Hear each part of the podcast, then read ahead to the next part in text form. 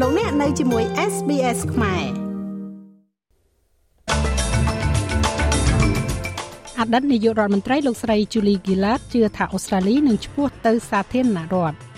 ស្ដេច Charles និងព្រះអនុជនឹងប្រារព្ធពិធីស្មឹងស្មាតនៅមុខព្រះសពព្រះមហាក្សត្រីយ៉ានី Elizabeth ទី2ទេសាភិបាលធនាគារកណ្ដាលនៃប្រទេសអូស្ត្រាលីកំពុងប្រជុំមុខនឹងគណៈកម្មាធិការសេដ្ឋកិច្ចសភាដែលពិនិត្យមើលលើការកើនឡើងនៃអត្រាការប្រាក់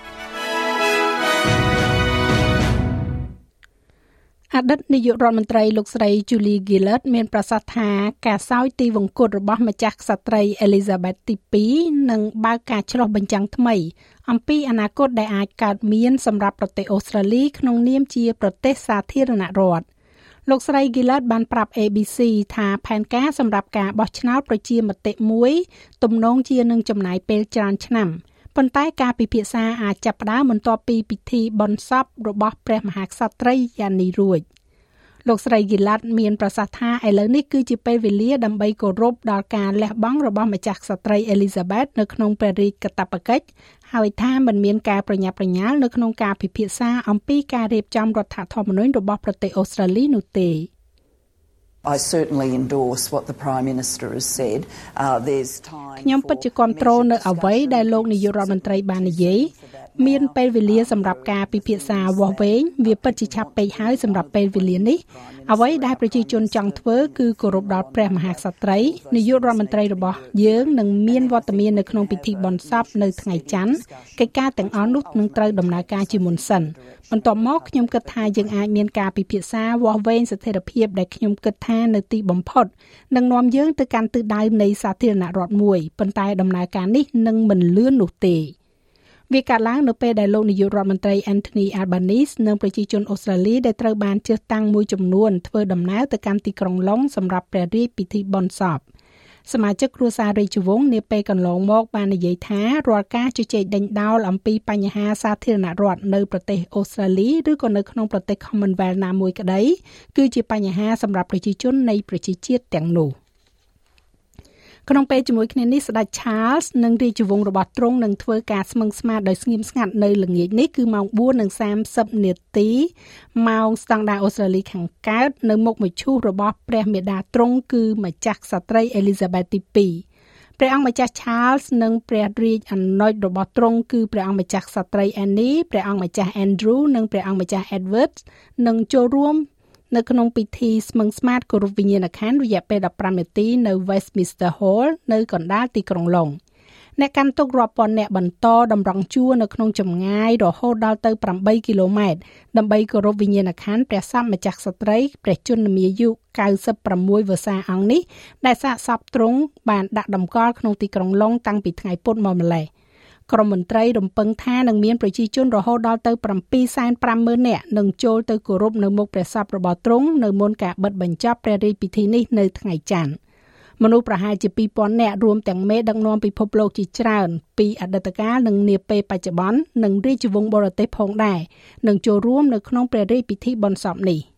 ស្ដេច Charles និងមហាសីរបស់ទ្រង់គឺម្ចាស់ស្ត្រី Camilla ក៏បច្ចុប្បន្ននេះកំពុងស្ថិតនៅក្នុងប្រទេស Wales ជាចំណត់ចុងក្រោយនៃដំណើរទស្សនកិច្ចរបស់ទ្រង់នៅចក្រភពអង់គ្លេសដើម្បីបំពេញនូវមុខងារក្នុងពិធីជាប្រមុខរដ្ឋថ្មី។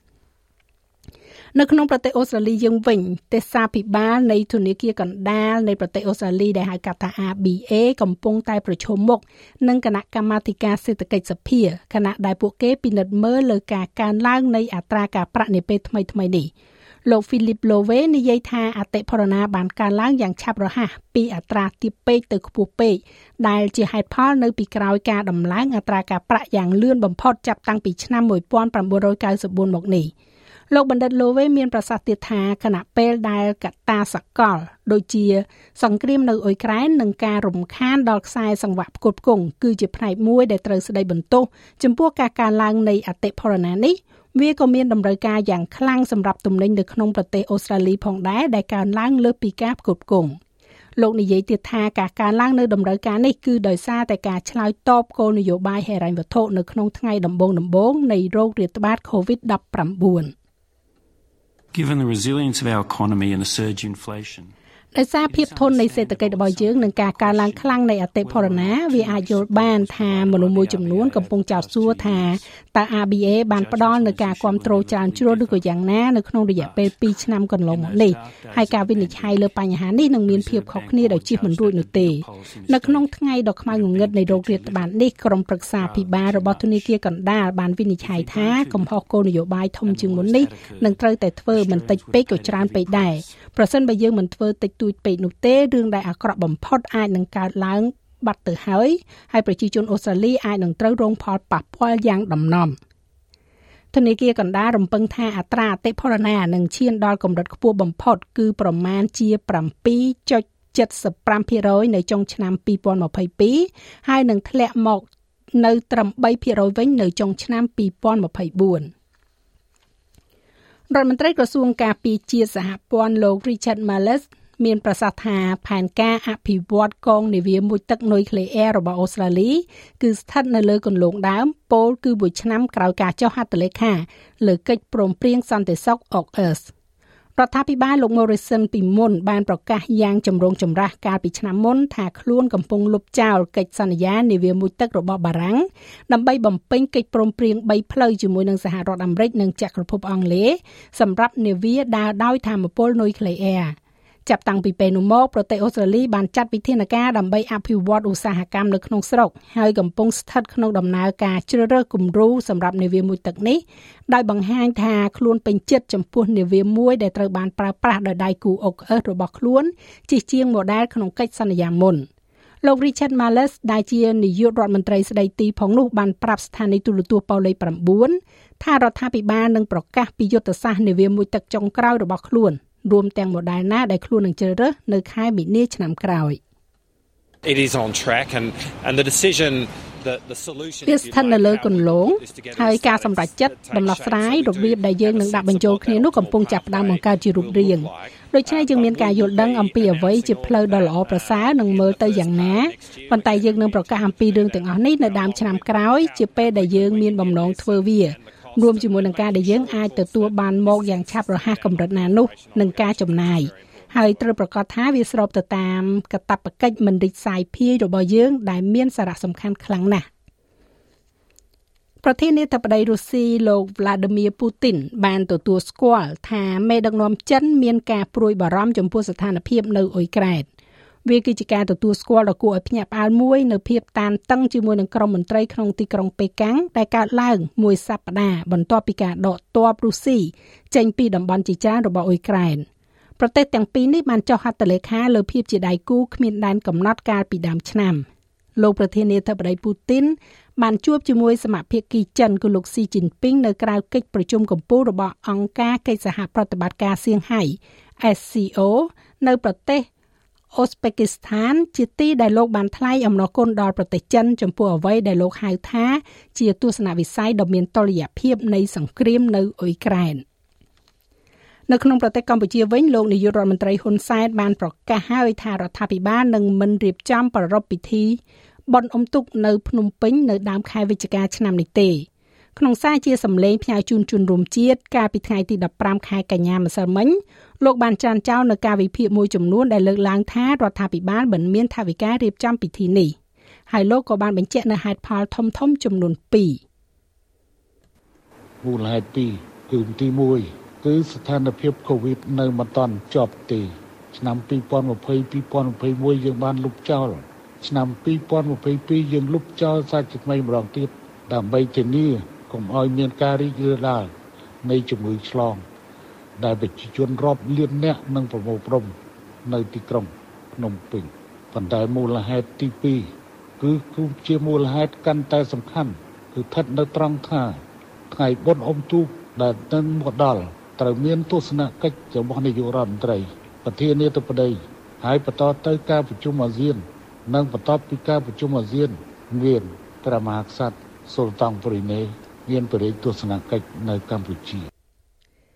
ចាលោកមេងផល្លានឹងជួនសេរីរីការលំអិតនៅវគ្គក្រោយបន្ថែមទៀតឬលោកអ្នកអាចចូលស្ដាប់របាយការណ៍ពេញលើគេហទំព័ររបស់យើងនោះគឺ sps.com.au/ ខ្មែរ នៅក្នុងព័ត៌មានកីឡាម្ចាស់ជើងឯក Grand Slam 20សម័យកាល Roger Federer បានប្រកាសថាលោកនឹងចូលនិវត្តន៍ពីកីឡាវាយកូនបាល់ Tennis បន្ទាប់ពីការប្រកួត Lever Cup នៅក្នុងខែនេះកីឡាករវ័យ41ឆ្នាំរូបនេះបានចេញនូវសេចក្តីថ្លែងការណ៍មួយនៅលើប្រព័ន្ធផ្សព្វផ្សាយសង្គមដោយនិយាយថា បន្ទាប់ពីការប្រកួត1500លើកក្នុងរយៈពេល24ឆ្នាំរាងកាយរបស់លោកកំពុងប្រាប់លោកថាវាដល់ពេលដែលត្រូវដកថយហើយ។ តារាសញ្ជាតិស្វីសរូបនេះមិនបានលេងតាំងពីការប្រកួតនៅ Wimbledon ឆ្នាំ2021មកដែលបន្ទាប់ពីនោះលោកបានធ្វើការវះកាត់ជង្គង់ជាលើកទី3 Federer ត្រូវបានគេទទួលស្គាល់យ៉ាងខ្លាំងក្លាថាជាកីឡាករម្នាក់ក្នុងចំណោមកីឡាករដ៏អស្ចារ្យបំផុតនៅគ្រប់ពេលដែលស្ថិតនៅលំដាប់លេខ1ក្នុងពិភពលោកក្នុងកំណត់ត្រា237សប្តាហ៍ជាប់ជាប់គ្នា Tennis has treated me more generously than I ever would have dreamt ថានេះបានផ្ដល់ឲ្យខ្ញុំនូវក្តីសប្បុរសច្រើនជាងអ្វីដែលខ្ញុំធ្លាប់ស្រមៃចង់បានហើយឥឡូវនេះខ្ញុំត្រូវតែទទួលស្គាល់នៅពេលដែលវាដល់ពេលត្រូវបញ្ចប់អាជីពប្រកួតប្រជែងរបស់ខ្ញុំប៉ុន្តែខ្ញុំនឹងលេង tennis ទៀតនៅពេលអនាគតប៉ុន្តែមិនមែននៅក្នុងកម្មវិធី Grand Slam ឬក៏លើលើការប្រកួត tournament នោះទេនេះគឺជាការសម្រេចចិត្តដ៏ជូរចត់ព្រោះខ្ញុំនឹងនឹកនៅអ្វីអ្វីគ្រប់យ៉ាងដែលការធ្វើដំណើរប្រកួតបានផ្ដល់ឲ្យខ្ញុំ ប៉ុន្តែនៅពេលជាមួយគ្នានោះមានការអបអរសាទរច្រើនណាស់ខ្ញុំចាត់ទុកខ្លួនឯងថាជាមនុស្សម្នាក់ដែលមានសំណាងបំផុតនៅលើផែនដីខ្ញុំទទួលបាននៅទេពកោសល្យពិសេសនៅក្នុងការលេង tennis ហើយខ្ញុំបានធ្វើវាក្នុងកម្រិតមួយដែលខ្ញុំមិនដែលនឹកស្មានដល់វាយូរជាងអ្វីដែលខ្ញុំធ្លាប់គិតចាស់ចំណែកអត្រាប្តូរប្រាក់វិញនៅថ្ងៃនេះ1ដុល្លារអូស្ត្រាលីមានតម្លៃប្រមាណជា7សំទោស67សេនដុល្លារអាមេរិកត្រូវនឹង2760រៀលប្រាក់រៀលខ្មែរ ឥឡូវយើងក៏លេខមើលការព្យាករណ៍អាកាសធាតុសម្រាប់ថ្ងៃសៅរ៍ស្អែកនេះវិញទីក្រុងផឺតរលឹមបន្តិចបន្តួច19អង្សាអាដាលេដរលឹម 16អង្សារលឹមដូចគ្នានៅមែលប៊ន15អង្សាដូចគ្នានៅហូបាត17អង្សាខេនបារ៉ារលឹមខ្លាំងឡើង14អង្សាស៊ីដនីមានពពកដោយពេល23អង្សា Brisbane រលឹមបន្តិចបន្តួច29អង្សាបើកថ្ងៃនៅខេន32អង្សាបើកថ្ងៃដូចគ្នានៅ Darwin 34អង្សានិងទីក្រុងភ្នំពេញមានភ្លៀងផ្គររន្ទះ33អង្សា thank you